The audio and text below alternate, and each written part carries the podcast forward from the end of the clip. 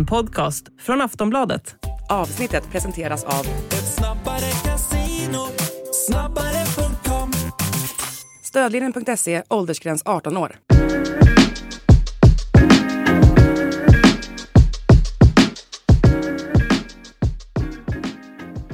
Allsvenska podden är tillbaka den här veckan med mig Daniel Kristoffersson och Makoto Asahara. Vi har en fullspäckad omgång att gå igenom eh, och sen så har vi ju väldigt många snackisar som eh, blev av den här omgången också. Och sen så ska vi blicka framåt mot ett ångestderby i alla fall för AIKs del. Men om vi eh, börjar då med eh, vad som var kanske det mm, toppmötet på förhand. Häcken-Hammarby. Eh, 3-1 till Häcken. Och det präglade just, eh, präglades ju såklart av Oliver Dovins, ja får man eh, säga näst bis, intill bisarra misstag där. Eh, vad är din eh, take på, på den matchen Makoto?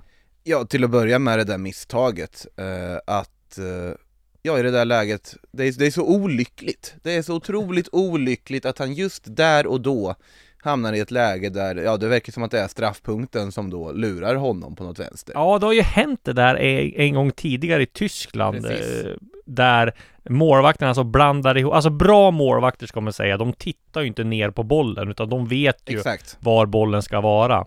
Och eh, då så var det väl den här målvakten i Tyskland som blandade ihop eh, straffpunkten och bollen och det ser ju så fruktansvärt sjukt ut. Alltså en målvakt kan ju göra en tavla eh, Ja, man kan tappa in bollen och sådär. Då, nu ser det liksom helt oförklart ut. Alltså vad gör han liksom? Det var, nej, det var jättekonstigt eh, misstag eh, och såklart så präglar ju det här hela matchen. Det slutade 3-1 till Häcken eh, och sen ju, var, kom ju Simon Strand där på mellanhand också eh, när de gjorde 2-0 så att Hammarby vi lider av det. Jag tycker inte att Hammarby var så dåliga som, som siffrorna visar utan det blev ju just de här misstagen som, som blev olyckliga då. Men eh, Oliver Duin kom igen ska vi säga.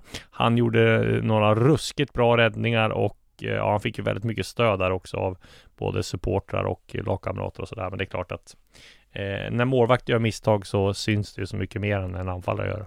Ja, sen, sen är väl det positiva i det här för Dovins del hur han ska tillbaka, det pratade väl eh, Martin Cifuentes om också, Ja. att han var stolt över att se Oliver Dovins reaktion på det och det ligger mycket i det tycker jag just att kunna ta tillbaka, inte att bara fortsätta spela sitt spel och förstå att ja men det där hände, Mm. nu går vi vidare ifrån det och att man tar det liksom lite med en klackspark nästan att ja, det blev viralt så att säga. Det, var, det dröjde inte länge innan de här internationella kontona hade plockat upp Nej, den här Det situationen. så. Men det blir på något sätt fel att sitta här och prata för mycket om det med tanke på hur fruktansvärt bra BK Häcken är Ja. just nu. Alltså, ja, Sadik får gå ut skadad i den här matchen som, eh, och då är det bara Benny Traoré som istället kliver fram och gör hattrick. Eh, det är så otroligt mycket alternativ då. De har inte ens släppt lös Ola Kamara än, Nej. som de har värvat som, ja, Snacka om öst in. sparkapital. Ja, det är helt sanslöst sparkapital och eh, jag vet, eh, vi hade svarat på så här panelfrågor här efter eh, omgången, jag vet Ja. att eh, jag kände väl direkt där att Ja, vem imponerar på det var väl en av frågorna och skulle man försöka välja ut någon av Häckenspelarna, det går inte, det är bara att helgardera sig på allting och det är för att de är så helgarderade och att jag tippar dem så lågt som jag gjorde inför säsongen, jag vet inte vad jag höll på med Eh, Eh, vad, vad tippade de då? Femma, Ja men jag tror också jag hade det, men jag. Min, ja, men vi får ju skämmas! ja, men min, min motivering var ju det att jag trodde de skulle få Få det svårt med när Europa, jag tror att de kommer gå långt i Europa och därför tror Ja. jag att de kommer få det svårt att dubblera men Men de har ju, de har ju det täckt, nu. truppen Ja. är ju täckt för att kunna hantera det också, det är som är så sanslöst Simon Gustafsson är inte ens i startelvan nej Det är Aman Romeo som har varit eh, briljant också, superfyndet där 18-åringen mm. Och de, de prickar ju rätt på så otroligt mycket saker, såklart att vi såg ju tendenser av det även förra säsongen när de ja, gick och vann alltihopa Men att de kan fortsätta hålla den nivån nu när man ändå har pressen som det innebär att vara regerande mästare Ja. De måste ju säkert njuta lite av att de ändå inte tippas i som guld, jo det är ju ganska många som tippat Ja, dem vissa de har tippat tror jag igen men, Ja. men eh, det är inte, inte majoriteten har tippat MFF Nej men det är, de ser ju otroligt starka ut och sen, sen är det ju lätt att säga det efter två omgångar såklart de har sett så bra ut som de har gjort Ja. både Elfsborg och mot Hammarby Men om vi ska eh, blicka, zooma ut lite grann då så eh, skrev jag lite grann om det här värvningsarbetet som jag tycker att Martin Eriksson och kanske framförallt Mm. chefscouten Hampus Andersson får lite för lite cred för. Om man tittar på liksom så är det ju Sadik, Kristoffer Lund, Fridriksen, Larsen, Hovland, bröderna Gustafsson, eh, ja men Benny Traoré, de förlängde med Rygaard. Alltså det är många som de har prickat, eh, prickar i princip rätt på varenda värvning och Ola Kamara som du nämner som ett sparkapital. Och just det här tycker jag, det, det, det säger lite grann om just Benny Traoré då som kom och gjorde det väldigt bra, men åkte på korsbandsskada. Många klubbar hade ju tänkt där att ja, men vi kommer avvakta, vi avvaktar med att förlänga med han för att vi vet att han kan inte gå någonstans när han är skadad. Vi ser hur skadan utvecklar sig. Eh, istället och så förlänger BK Häcken eh, bara några månader efter att han har den här korsbandsskadan, vilket jag tycker är, liksom eh, visar på den eh, långsiktighet och liksom den smartnessen man har. För där då, om när han är skadad så eh, Dels så blir det inte lika dyrt för att förlänga, eh, men också att man liksom ger honom det här förtroendet och, och att man ger honom ett kontrakt och, och, och, tänker att vi tror på dig trots att du är skadad och han levererar så här efter det. efter det. Den medmänskliga delen av mig tänker också att det finns en form av ansvar när du tar in en 18-åring från eh, ja, Elfenbenskusten där som, ja. som, som är oprövad, kommer till ett nytt land och allting och att ja, det kan hända alla att du får en allvarlig skada men han har ju tackat för förtroendet i alla fall på sättet han har har levererat och det, det, är ju det som är intressant också med Häcken att de prickar ju de här unga lovande värvningarna, de här Diamonds in the rough som man inte riktigt hade koll på innan som utvecklas till fullfjädrade allsvenska proffs som de kan sälja vidare till utlandet sen. De prickar rätt på de här mer, alltså stommen som de värvar in mm. med spelare som, de nämnde Rygaard till exempel och och backlinjen där med Hovland och, och allting så att de prickar ju rätt på den typen av rekryteringar också. Mm. Och det är ju det som sammantaget då har gjort dem till ett av allsvenskans absolut bästa lag, vilket de visar under inledningen av den här säsongen också, precis som de gjorde förra säsongen. Och just att man har förlängt med Högmo och förlängt med Rygaard också, så det är ja. väldigt bra. Eh, men vad eh, säger vi om Hammarby då? Det såg ju sisådär ut, även fast det inte kanske var så dåligt som, som många tyckte. De fick, eh, gjorde en ändring, det var Alpel Demirol som kom in istället för mm. Viktor Dukanovic. Och det fattar man att de ville ha mer defensivt och sådär. Fungerade väl helt okej, okay, inte, inte mer. Men eh, där så vill man ju nog se mer av eh, både Mikkelsen som kom in tillbaka för skada, Adinalic kom tillbaka efter skadan också. Det, det, känns som att de gjorde väldigt bra intryck och framförallt tills Valletecki fortsätter att göra mål och göra det väldigt bra. Så att det ser inte så eh, dåligt ut för Hammarby. Det blir ju ett eh, lite avgörande, inte ett avgörande, men det blir ett viktigt derby för dem mot AIK. Ja, alltså om de förlorar där så är det plötsligt kris i den grönvita delen av huvudstaden istället, så enkelt är det ju. Mm. Men eh, nej, jag tycker väl att det finns väldigt mycket positivt i, i det här Hammarby, av där vi har sett hittills också. Där har vi också otroligt sparkapital överlag i truppen. Jag, vi pratade mycket om eh, Montader Majed och Josef Erabi inför säsongen. Jag tror fortfarande att vi kommer ha anledning att prata om dem under, under säsongen också, också, när de får sina möjligheter. Eh, Alper Demiroli, en spelare man kanske inte nämner jätteofta men också som, som verkligen gått den långa vägen från alltså HTFF, mm. slagit sig in, är ju perfekta så här, mittfältstypen för Martin Cifuentes fotboll, det märker man ju, det är så otrolig det finns något väldigt spanskt över sättet som Alper ja. Demirol eh, fördelar boll och styr på innermittfältet, den djupliggande positionen, väldigt, väldigt fin spelare. Och Tesfalde Teki som du nämner som eh, jag tycker visar hur mycket, många steg han har tagit sen han var i Allsvenskan senast, för det här är en eh, är en otroligt viktig spelare, jag vill ju hålla honom som en av Hammarbys allra viktigaste spelare här och nu redan så här tidigt ja, in på hans samarbetssejour. Ja, det håller jag med om. Så att ja, det blir spännande att se där också. Om vi går vidare så var väl du på Sirius Djurgården 0-0. Det som hände där var väl framförallt att eh, Jakob Widell Zetterström ska, eller fick rött kort och skadade sig i samma situation. Så nu är han borta hela vårsäsongen kom det igår. Det är ett jätteavbräck. Ja, det, den här skadan kom ju dock efter, för ja. det var ju ingen som kände till Nej. det där och då. Men det var ju i samband med att han då blir utvisad när han drar ner Tashrik Matthews. Eh, Det var inget snack om den saken, det fanns väl vissa som diskuterade hur, hur många djurgårdare var på rätt sida och så vidare Men samtidigt det var ja, Widell Zetterström själv sa ju att det är inget att snacka om, att ja, han förstod ju vad det, vad det var som var på gång direkt när, när det hände på något det sätt. Det såg ju inte ut att bli så farligt ändå va? Alltså Nej men det var väl att du hade väl ändå Danielsson och någon på rätt sida i det här läget som gör att, jag vet att uh, Mange Eriksson var inne på det här lite efter intervjun också. Men samtidigt, det var ju inte något alltså, direkt fel med det här röda kortet, det är svårt att argumentera mot det och som sagt, han som gjorde det själv förstod ju att han kom ut fel och att Ja, Tashrik Matthews gör det jättebra som kommer in där i, i bra fart och och fick sen den där straffen, eh, frisparken menar jag givetvis. Mm. Men eh, där och då visste man ju inte att han var skadad. Eh, Det kanske var undertecknat som inte ställde frågan, man tänkte ju inte på det, det var ingen som tänkte på det Nej, men överhuvudtaget. det var ju en tumskada, så inte så Ja, och han, han höll det väl för sig själv där ganska bra och sen eh, efteråt då så kom ju kom beskedet att han måste opereras så det är ju jättetapp såklart. Eh, det var väl skönt då på något sätt för Andrea Piconell att få komma in och göra sin allsvenska debut här, gör Ja. det jättebra också och väldigt trygg i, i den situationen. Eh, väldigt fin situation efteråt, efter matchen också när eh, när vad heter det, Widell Zetterström och Piconelli möter varandra och en lång kram från Widell Zetterström med liksom Mm. lite stolthet i blicken också och se en yngre förmåga, någon som han har varit mentor åt i klubben också komma upp och göra sin debut och göra det på ett så pass bra och förtroendeingivande sätt. Nu fick han ju hjälp av att Djurgården gick ner på den här fembackslinjen och verkligen gick för att nu ska man bara gå för en poäng här. Mm. Det var ju väldigt tydligt från eh, från vad heter det, Bergstrand och Lagerlöf att det var det som var planen att eh, nu, nu är det bara att säkra snarare. Och det funkade ju för så fort man gick ner på fembackslinje Sirius som hade skapat jättemycket och gjort jättemycket framåt fram till dess blev ganska trubbiga väl när de inte hittade de där ytorna bakom backlinjen mer. Eh, men 0-0 blev det och eh, ja för Sirius del kan man väl säga de gör en bra insats mot Norrköping borta, en poäng. De gör en väldigt, ännu bättre insats här mot Djurgården hemma med väldigt bra publiktryck ska sägas också, jättefint eh, Pelle Svanslös Ja men det gillade jag så eh, jättemycket. Alltså det blir Ja. liksom en eh, koppling till staden och vad Uppsala står för. Ja, väldigt snyggt tifo Ja. och eh, bra tryck på läktarna. Eh, båda klackarna hade, körde ju full rullning där liksom och väldigt fin stämning på en väldigt fin arena. Jag tycker faktiskt om studenterna sen de byggt om den. Jag tycker den är Mm. Perfekt för en klubb som i Sirius storlek. Men eh, nej, det, det är ändå lite så här bitter eftersmak för Sirius att de inte har fått med sig någon seger från de här två väldigt fina insatserna måste man Nej. ändå säga. Nej, det blir spännande att följa Sirius. Jag kommer inte ihåg vad jag toppar dem. tippar dem. Jag tror att jag tippar dem 12 eller något sånt där. 13. Får väl se hur det är med Jocke Persson också, han gjorde ju lite vad han ville i första halvlek innan han fick en Ja. eh, smäll och byttes ut där. De får, Ruggigt fin spelare hade väldigt roligt offensivt kan man väl eh, lugnt konstatera. Mm.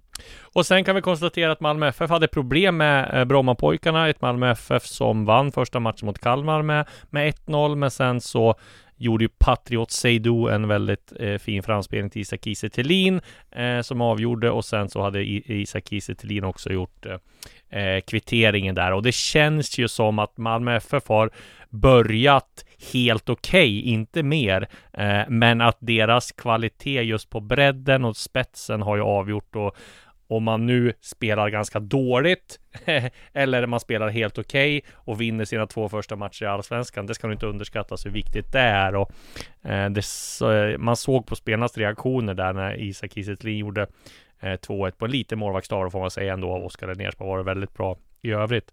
Men att det var mer lättnad än glädje kanske. Ja, alltså jag skulle kalla det en drömstart för Malmö FF. Ja, Alltså att de får två segrar, det är det viktigaste för en klubb med de ambitionerna som ska alltså, räknas som en guldkandidat och snar- kanske snarare till och med en guldfavorit inför varje säsong eh, så är det ju en drömstart att få två segrar och vi vet också som du sa, det finns sparkapital så det sjunger om det. Eh, Henrik Rydström har ju otroligt mycket offensiva alternativ till förfogande spelare som Stefano Vecchi, Andreas, eller Anders Christiansen, eh, Sebastian Anasi, Tahali. Zeidan. Alla de här vet vi kommer börja leverera poäng förr eller senare. Det, Mm. det är helt uppenbart, de kommer inte gå helt lottlösa.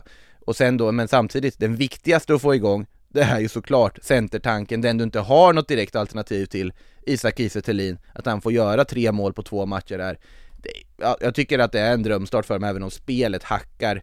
Försvaret, det tydligt att värvningar som har gjorts har kommit in väldigt bra. Cornelius i mittlåset känns ju hur trygg som helst. Busanello tycker jag imponerat under starten han har haft, om det så är i en trebackslinje eller som en vänster wingback. Så att eh, finns mycket att jobba med, finns mycket att ta av mer från det här Malmö FF, men framförallt så har de ju två raka segrar, vilket är eh, precis vad de behöver och eh, ja, på så vis en drömstart.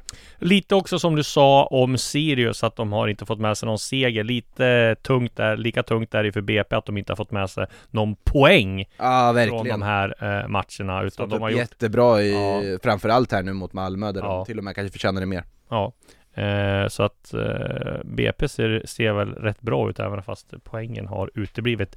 Vi ska inte diskutera så mycket mer om Varberg-Elfsborg. Det blev 0-0 där, där David Olsson med moderklubb Elfsborg gjorde ju en stor match i målet för Varberg. Det roligaste där var väl Per Frick. Ja, berätta, vad hände då? Ja men eh, det var ju en situation där med, det var väl med Zachrisson där eh, Zachrisson gav ut en liten sen smäll, Per Frick flyger ner i marken, för han har ju dragit lite i tröjan hållit på innan. Ja, Och sen i intervjun därefter så sa han väl där att det gjorde ju egentligen inte så ont, men och erkänner ganska tydligt att Att det han, han drog en rövare. Ja. man, kul att se Per Frick på en fotbollsplan igen, det är väl det jag känner när Ja, säsongen har dragit han är- igång. Han är en skön profil och där vill man liksom, kan, kan man dra en parallell till Arno Sigurdsson också. Jag tror det var Det var någon som skrev på Twitter som jag såg att, jag vet inte exakt vem det var, men att han är väldigt icke-isländsk i sitt spel. Att han ja, men förstärker och filmar och sådär. Det är inte så vanligt på Island. Jag, jag, kan, jag kan säga så här, på något, eh, det här är lite, alltså lite spontanspaning som absolut inte har någon direkt vetenskaplig grund. Nej. Men jag vet att det var någon, någon korpenmatch här man spelade, det var ett lag med bara islänningar mötte. Ja. Aldrig blivit så utspelad i mitt liv och där har vi folk som bara, det var liksom små, små Arnor Sigurdssons allihopa som sprang omkring och där, där togs det, där filmades det, det drogs det i tröja, där var det allt möjligt och tjuvknep så att visst kan de göra sånt på Island också. Du tar ner den här, du tar ner den här myten om att Ja, ja, ja, islänningar ja, utan hedersknyfflar som aldrig filmar och jobbar hårt för laget. Utan, alltså absolut, de jobbar alltid hårt för laget. Men viktigt att poängtera, de har inga problem med att eh, gå över vissa gränser för sitt egna lag. Nej. Det, det är det jag vill poängtera här i alla fall. Det konstaterar vi.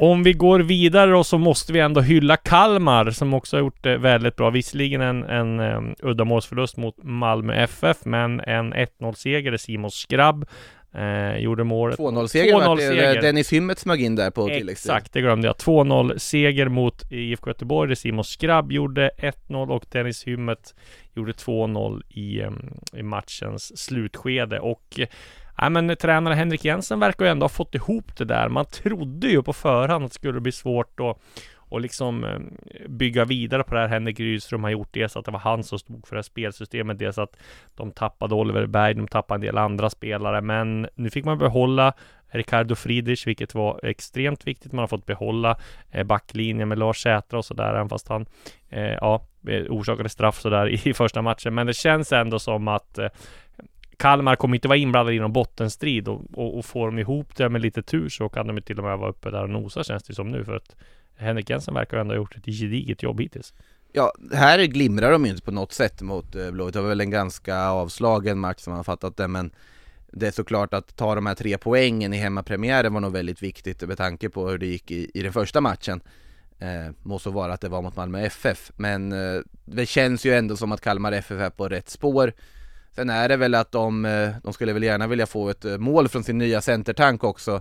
Från eh, Rajovic hade väl varit skönt Ja. att, att få in för dem Alltså kan jag tänka den mig. så hyllade på försäsongen. Mm, så att ur det, det här perspektivet, han behöver väl lösa målnollan här på något sätt, hade nog varit ganska viktigt för hans självförtroende och så vidare också, men det, det, det har gått två matcher så än Ja. ska vi ju inte eh, ropa hej. Men eh, nej, viktig, trygg seger för Kalmar FF får man väl säga mot ett IFK Göteborg som fortfarande famlar i mörkret. Mm. Och vi ska komma tillbaka till Blåvitts kris där också för om man säger att det, är, det var väldigt länge sedan de vann en, en fotbollsmatch nu om man ser även till förra säsongen så att ja, där är det stora problem. Ett lag som studsade tillbaka efter premiären var ju Degerfors. Mäkta eh, imponerade med 3-1 eh, hemma mot ett Halmstad som, eh, mot ett Halmstad som vann mot AIK premiären. Där eh, Mamar gjorde 1-1 kvitterade Erik Ahlstrands eh, Halmstad-ledning och sen gjorde Diego Campos eh, 2-1 och sen Rasmus Ökvist 3-1 och det där var utomordentligt viktigt för, för Degerfors som eh, också ser faktiskt eh, eh, väldigt bra ut för att eh, vara bottentippade. Ja de där poängen kan nog bli ganska viktiga när vi ska summera saker och ting om 28 omgångar. Det är Mm. inte helt otänkbart att de blir det. Det är såklart alltid viktigt och skönt tror jag för en hel förening att få en seger i en hemmapremiär på det sättet som Degerfors får här också.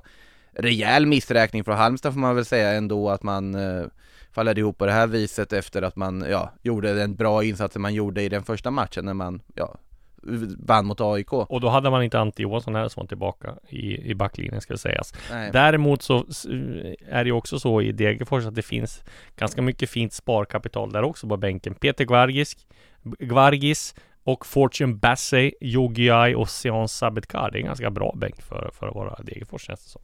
Ja, jag det finns ju konkurrenssituation på många, många positioner i den Ja. truppen. Och vi kan konstatera att Mjällby gjorde jobbet mot Värnamo 1-0. Eh, en bra seger för Mjällby som också de imponerar. Och med det ska vi gå till den här omgångens ja, höjdpunkt får vi säga. För det är ju ändå matchen du var på Makoto som blir den eh, största snackisen den här. Nu AIK pratar vi den andra matchen jag var Den på, vi ska inte matchen. tillbaka till Nej, Sirius. Den andra matchen du var på, ja, vi tar om det här då. Ja, för det är ju faktiskt den andra matchen du var på Makoto som blir den stora snackisen från den här omgången då. Eh, AIK, IFK Norrköping 0-3. Jimmy Durmas utbytt i paus. Eh, IFK Norrköping eh, såg enligt Alexander Axén ut som Barcelona i den första halvleken. Spelade ut AIK framförallt. Spelade de igenom det centrala mittfältet. Och eh, AIK buades ut rätt kraftigt efter första halvleken. Berätta om dina upple- din upplevelse som, som var på plats på Friends. Ja, alltså det var ju på hemmaläktarna, alltså med allting inför med mottagningen till spelarbussen och all stämning som var runt så var det ju, fanns ju mycket förväntan på AIK givetvis inför den här matchen, att de skulle stå tillbaka och ge, ge hemmafansen en, en, en fin eftermiddag. Eh, det gjorde de ju inte kan man väl lugnt konstatera och det var ju ganska tidigt då i, redan i första halvlek där när Arno Traustason petade in 2-0 och det var ju ganska logiskt sett till hur den första halvleken sett ut. IFK Norrköping som eh, gång på gång på gång på gång vinner bollen jättehögt upp i banan med lite mer spets så hade man kanske kunnat till och med, ja, såra ännu mer än vad man faktiskt gjorde. Eh, men AIK var ju inte med i matchen överhuvudtaget. De, blev, de vann inte, knappt en duell, de fick knappt ihop något eget spel. Det var ett Norrköping som eh, prickade taktiken perfekt. Eh, och ja, gjorde det svårt för AIK på alla sätt och vis och sen får de i målen i slutet Totte Nyman som som gör 1-0, skulle sen därefter också sätter en andra mål men blir bortdömt för frispark, vilket ju också hade säkert diskuterats mer om det inte vore för att matchen utvecklades som, som den gjorde. Eh, Nyman var väl inte jätteglad över att bli avblåst där, såg man ju tydligt. och det skulle väl ha varit straff Ja, Den, den är väl någon form av 50-50 situation, sen är det Ja. väl mer situationen innan med Papagiannopoulos där Ja, han, eh, där han den görs ner efter eh, slarv i AIK-försvaret som man kan diskutera också, men det vart ju bara parenteser i sammanhanget. För Traustason gör 2-0 och då hör man ju från läktarna ilskan och man hör ramsan 'Vi vill se AIK' Mm. Det är väl en av de mest liksom förnedrande ramsorna du kan få höra som spelare med tanke på att ja det, det insinuerar ju på att det här är inte ett AIK vi ser på planen just nu, det här är något annat, något mycket mer, mycket svagare. Och jag förstår ju reaktionerna efter, det var ju otroligt deppiga miner i AIK-lägret av förklarliga skäl Ja, parodiskt kallade väl eh, Alexander Milosevic, Milosevic ja. där för och det kan man förstå eh, Uselt sa Jetmir Haliti eh, Men sen också andra halvlek, absolut AIK kommer in med lite mer energi första delen av den andra halvleken men sen är det ju bara Norrköping som ja, fortsätter på överkörningen. Arnor Sigurdssons 3-0 efter jättefint förarbete av eh, Cassini. Kul att se honom på Ja, fotbollsplan verkligen, igen. verkligen. Otroligt roligt att se och att han bara tar för sig som han gör.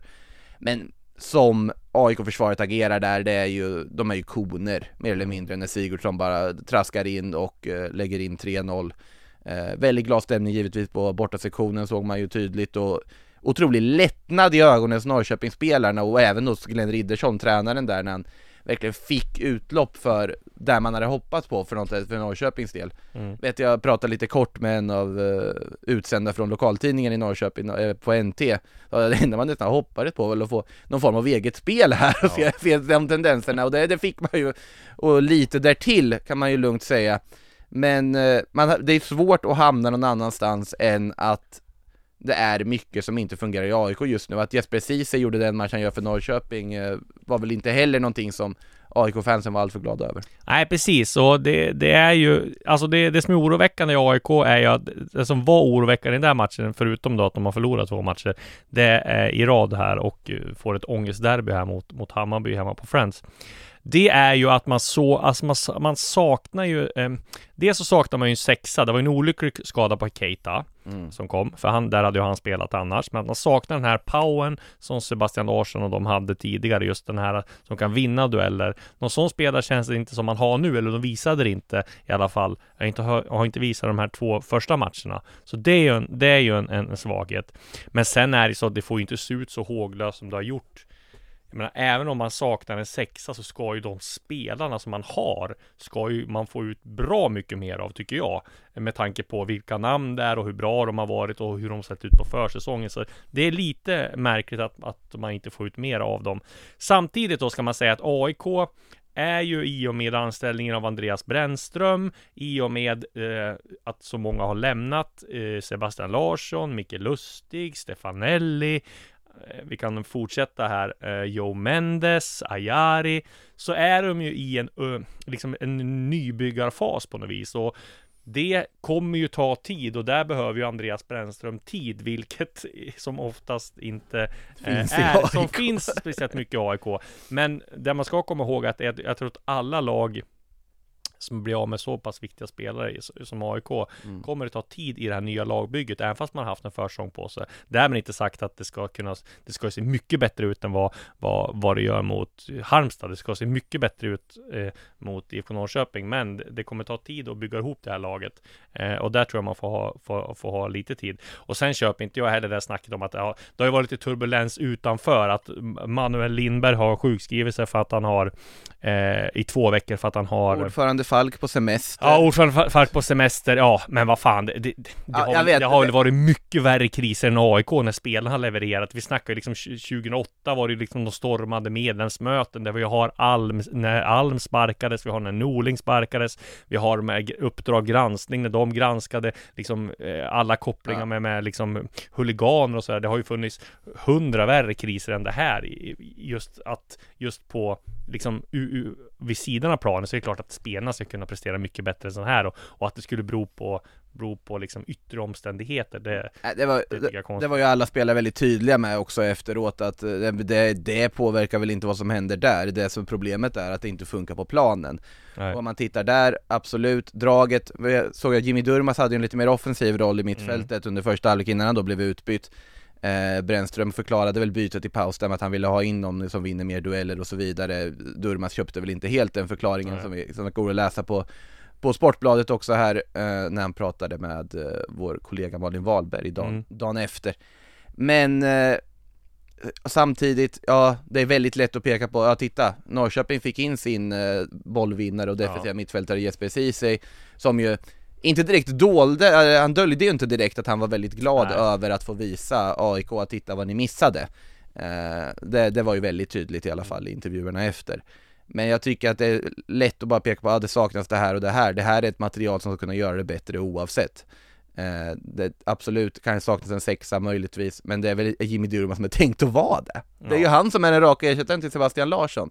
Ja, men jag tror att i Brännströms spelsystem så vill de ha Durmaz lite högre upp och så vill de ha Keita liksom där nere. I, i, Mm. Liksom om Keita hade varit skadad, men nu får ju Bre- Durmaz ta den där grejen, vilket han ska kunna göra mycket bättre. Han blev utbytt i paus och såg ju inte glad ut. nej han var inte överlycklig över det och sen förstod han ju själv att såklart, jag tyckte Viktor Fischer eh, som gjorde allsvensk debut ska vi säga också och inte heller lyckades skina sammanfattade ganska bra att det absolut, det är många stjärnspelare som inte presterar men framförallt så är det ju laget som inte presterar. Det är ingen som presterar och ingen som kan skylla ifrån sig på något sätt i det här läget. Nej. Och att det viktigaste just nu är att få laget att funka så kommer individerna att börja skina igen också och så enkel är ju faktiskt ekvationen egentligen.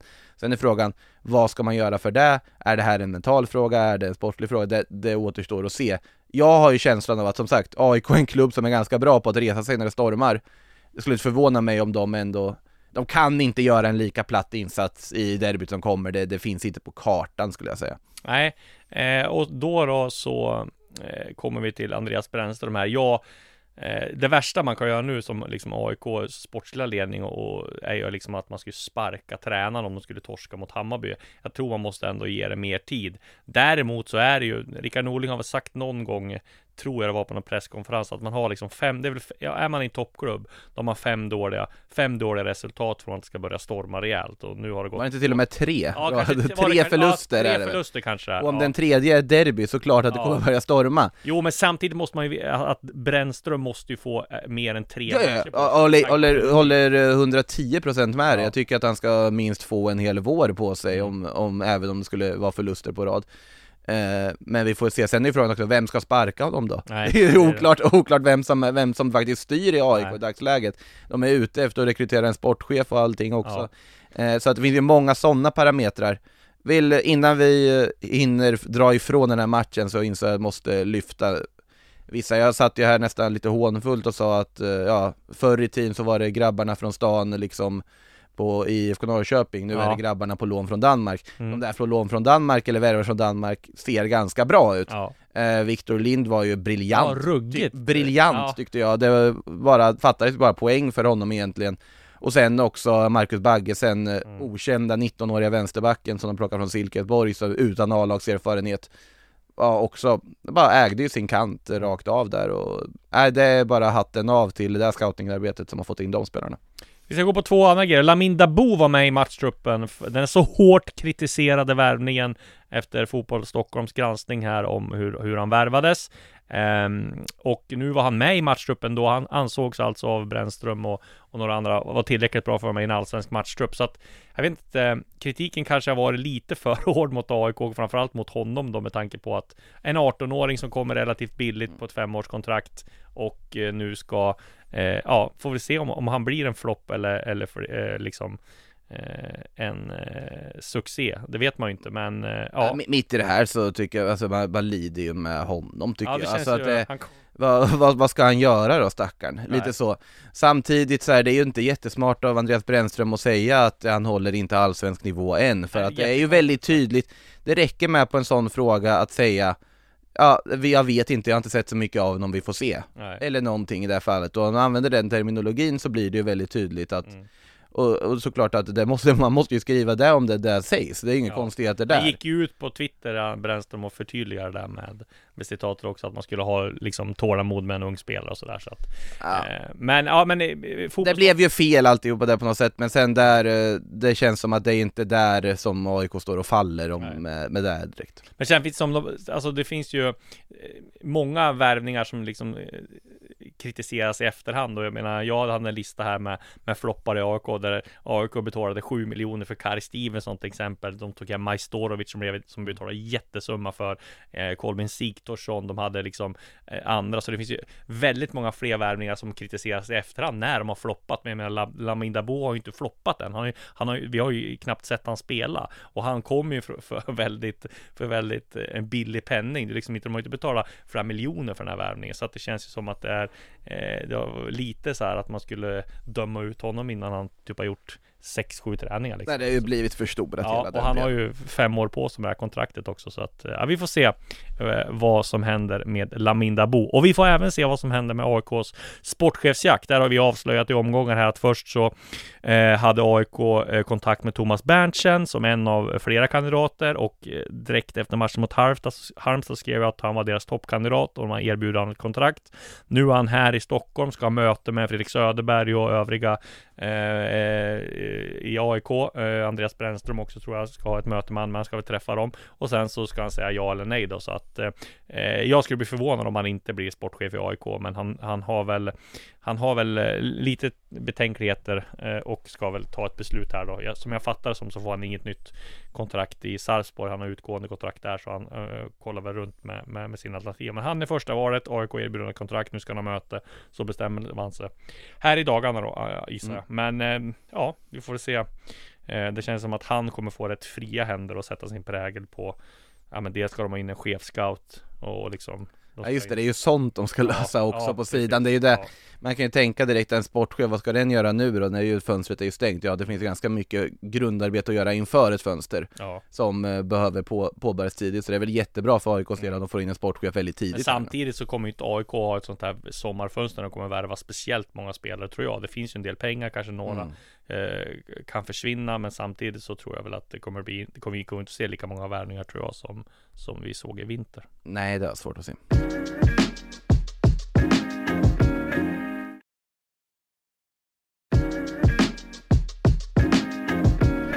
Om vi går vidare så ska även Blåvitt eh, ha in en tränare och även en sportchef och där känns det ju som det är lite eh, minikris också. Det var länge sedan de var en fotbollsmatch om man tittar på förra säsongen också. Nu torskar man eh, mot eh, ett Kalmar som gör det visserligen eh, rätt bra, men man torskade även i eh, premiären och sen så har man ju ett väldigt tufft schema här när IFK Göteborg möter Malmö hemma på måndag den 17 april. Vilken ångestmatch det också blir. Ja, och sen Djurgården borta efter det, så det är ju inte någon så här Nej, alltså, lätt spelschema som stundar för, eh, för Blåvitt här nu. Men det är ju frågan hur, hur man ser tränarvalet, du måste ju pricka rätt där. Så enkelt ja, är det ju. är därför det tar tid tror jag. Kim Hellberg var den på här. Eh, Expressen skrev, det var väl rätt väntat att de hör av sig till Allsvenskans hetaste tränare. Men eh, där, alltså att Kim Hellberg skulle ta över IFK Göteborg i det här läget, det är ju som ett självmordsuppdrag. Alltså på något sätt, det, frågan är ju vad IFK Göteborg, alltså vad de vill rädda. Tycker jag. Är det, är de söker en räddningsplanka för att få den här säsongen någorlunda Nej, på rätt köl? inte. Nej. För då skulle de ha Då skulle de inte in fört av sig till Kim Nej. Hellberg, då, är, då tar de in typ, jag säger det inte rakt ut men säger det ändå, typ Rickard Norling typ. Ja. Alltså någon som, som kommer in och gör resultat på, och får ha pondus och skulle få respekt för en spelartrupp rakt av. Nu tror inte jag att Norling ska vara aktuell ändå, men du förstår vad jag menar Ja. med, med liksom typen och profilen. Eh, eller vill de ha någon som bygger något på sikt? De har försökt det förut med Poya Asbaghi. Eh, jag tror fortfarande att det skulle kunna bli bra med Det Poya Asbaghi på Det sikt. tror jag också. Eh, nu, nu vart det istället, följdes det av en rad felbeslut från, från den klubben när man valde att göra sig av med Asbaghi och därefter missade i rekryteringen och så vidare och är på ruta ett. Men jag tror att du behöver ha en kombination av det. Du behöver någon som kommer in och kan hantera den här truppen och väcka de här ja, äldre kärnan i laget som har så otroligt mycket kvalitet, så har så otroligt mycket erfarenhet, men också kan förvalta den jättefina talangpool som finns i klubben med spelare som Bångsbo, Carneil och så vidare, eh, som, som kan bli något väldigt bra på sikt. Så, och etablera framförallt en positiv fotboll som får folk att vilja gå till eh, arenan och följa Blåvitt igen. Det, det gör de ju ändå givetvis, men som faktiskt, så att de blir underhållna också. Mm. Eh, och där på något sätt, det är ju väldigt svårt att veta, men om man tittar på CVn och så vidare så hamnar jag någonstans i att Nils Fredriksen låter ganska intressant. Ja, det tror jag också. Jag tror att han har fått Brönnby på kö- rätt köl när de var lite kaos där. De vann guld. Han har erfarenhet, han har tränat u landslag Mm. han har varit manager, han har varit tränare. Så jag tror också att han skulle vara väldigt bra. Sen är det väldigt svårt att veta såklart om du kommer till en ny liga och så vidare, hur, hur det skulle funka där, om du jämför med Danmark och Sverige är ju helt olika saker. Men om man tittar just så, så tycker jag att han, han har ett CV och en personlighet utifrån vad han har sett i alla fall som som låter passande för profilen. Sen får vi se vad exakt det är IFK Göteborg är ute efter och vad, vad det blir för tränare i slutändan. Någon måste ju in i alla fall.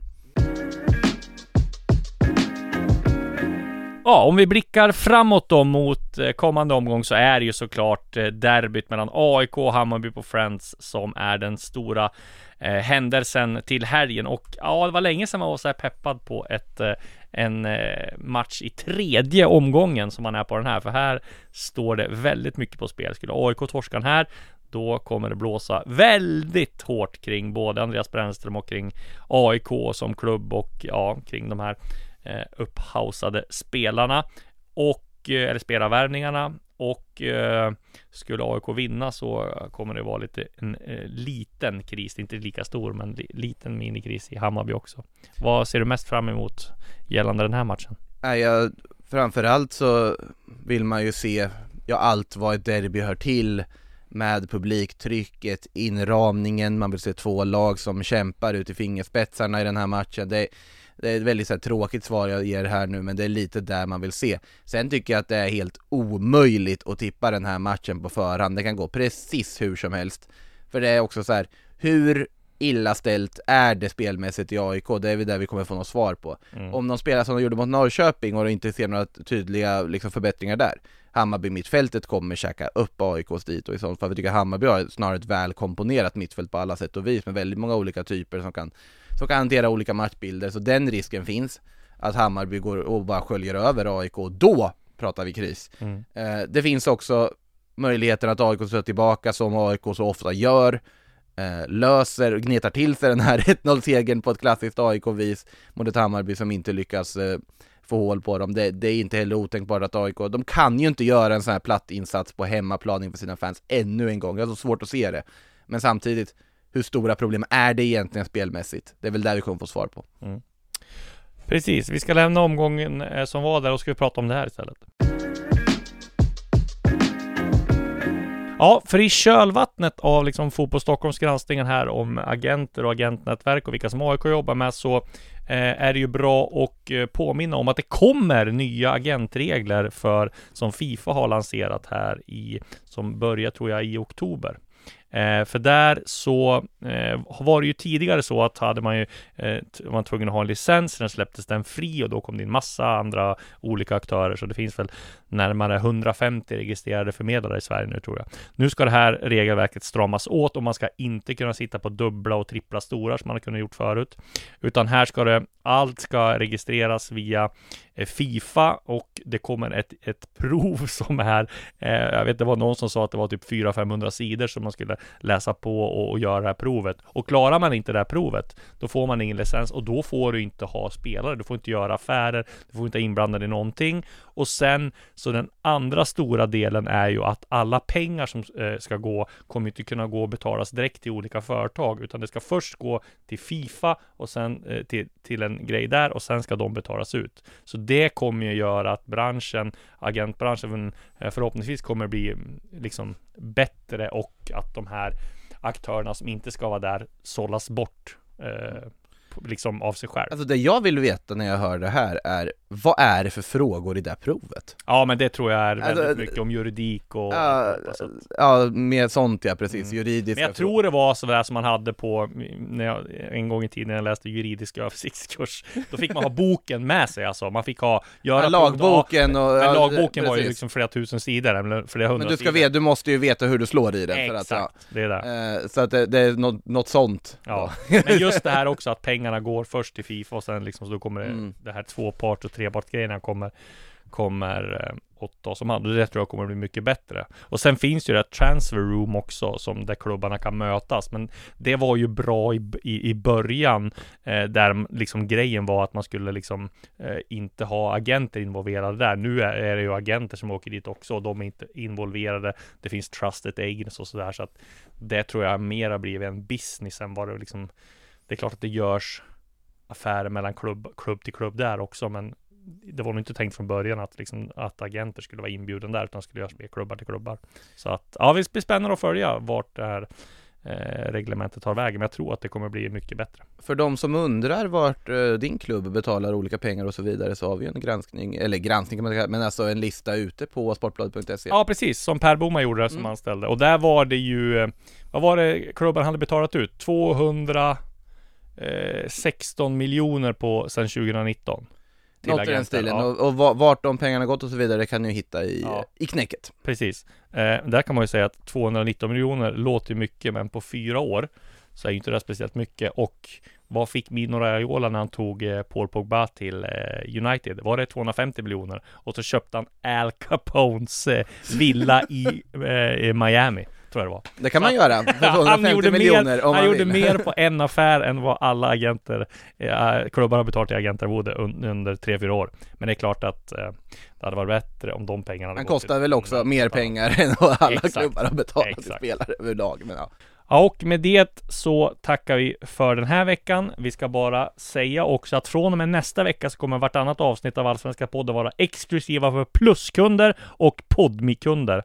Och för eh, trogna lyssnare så har vi tagit fram ett erbjudande där du får plus i två månader för enbart 49 kronor. Gå in på kampanj.aftonbladet.se slash allsvenskapodden.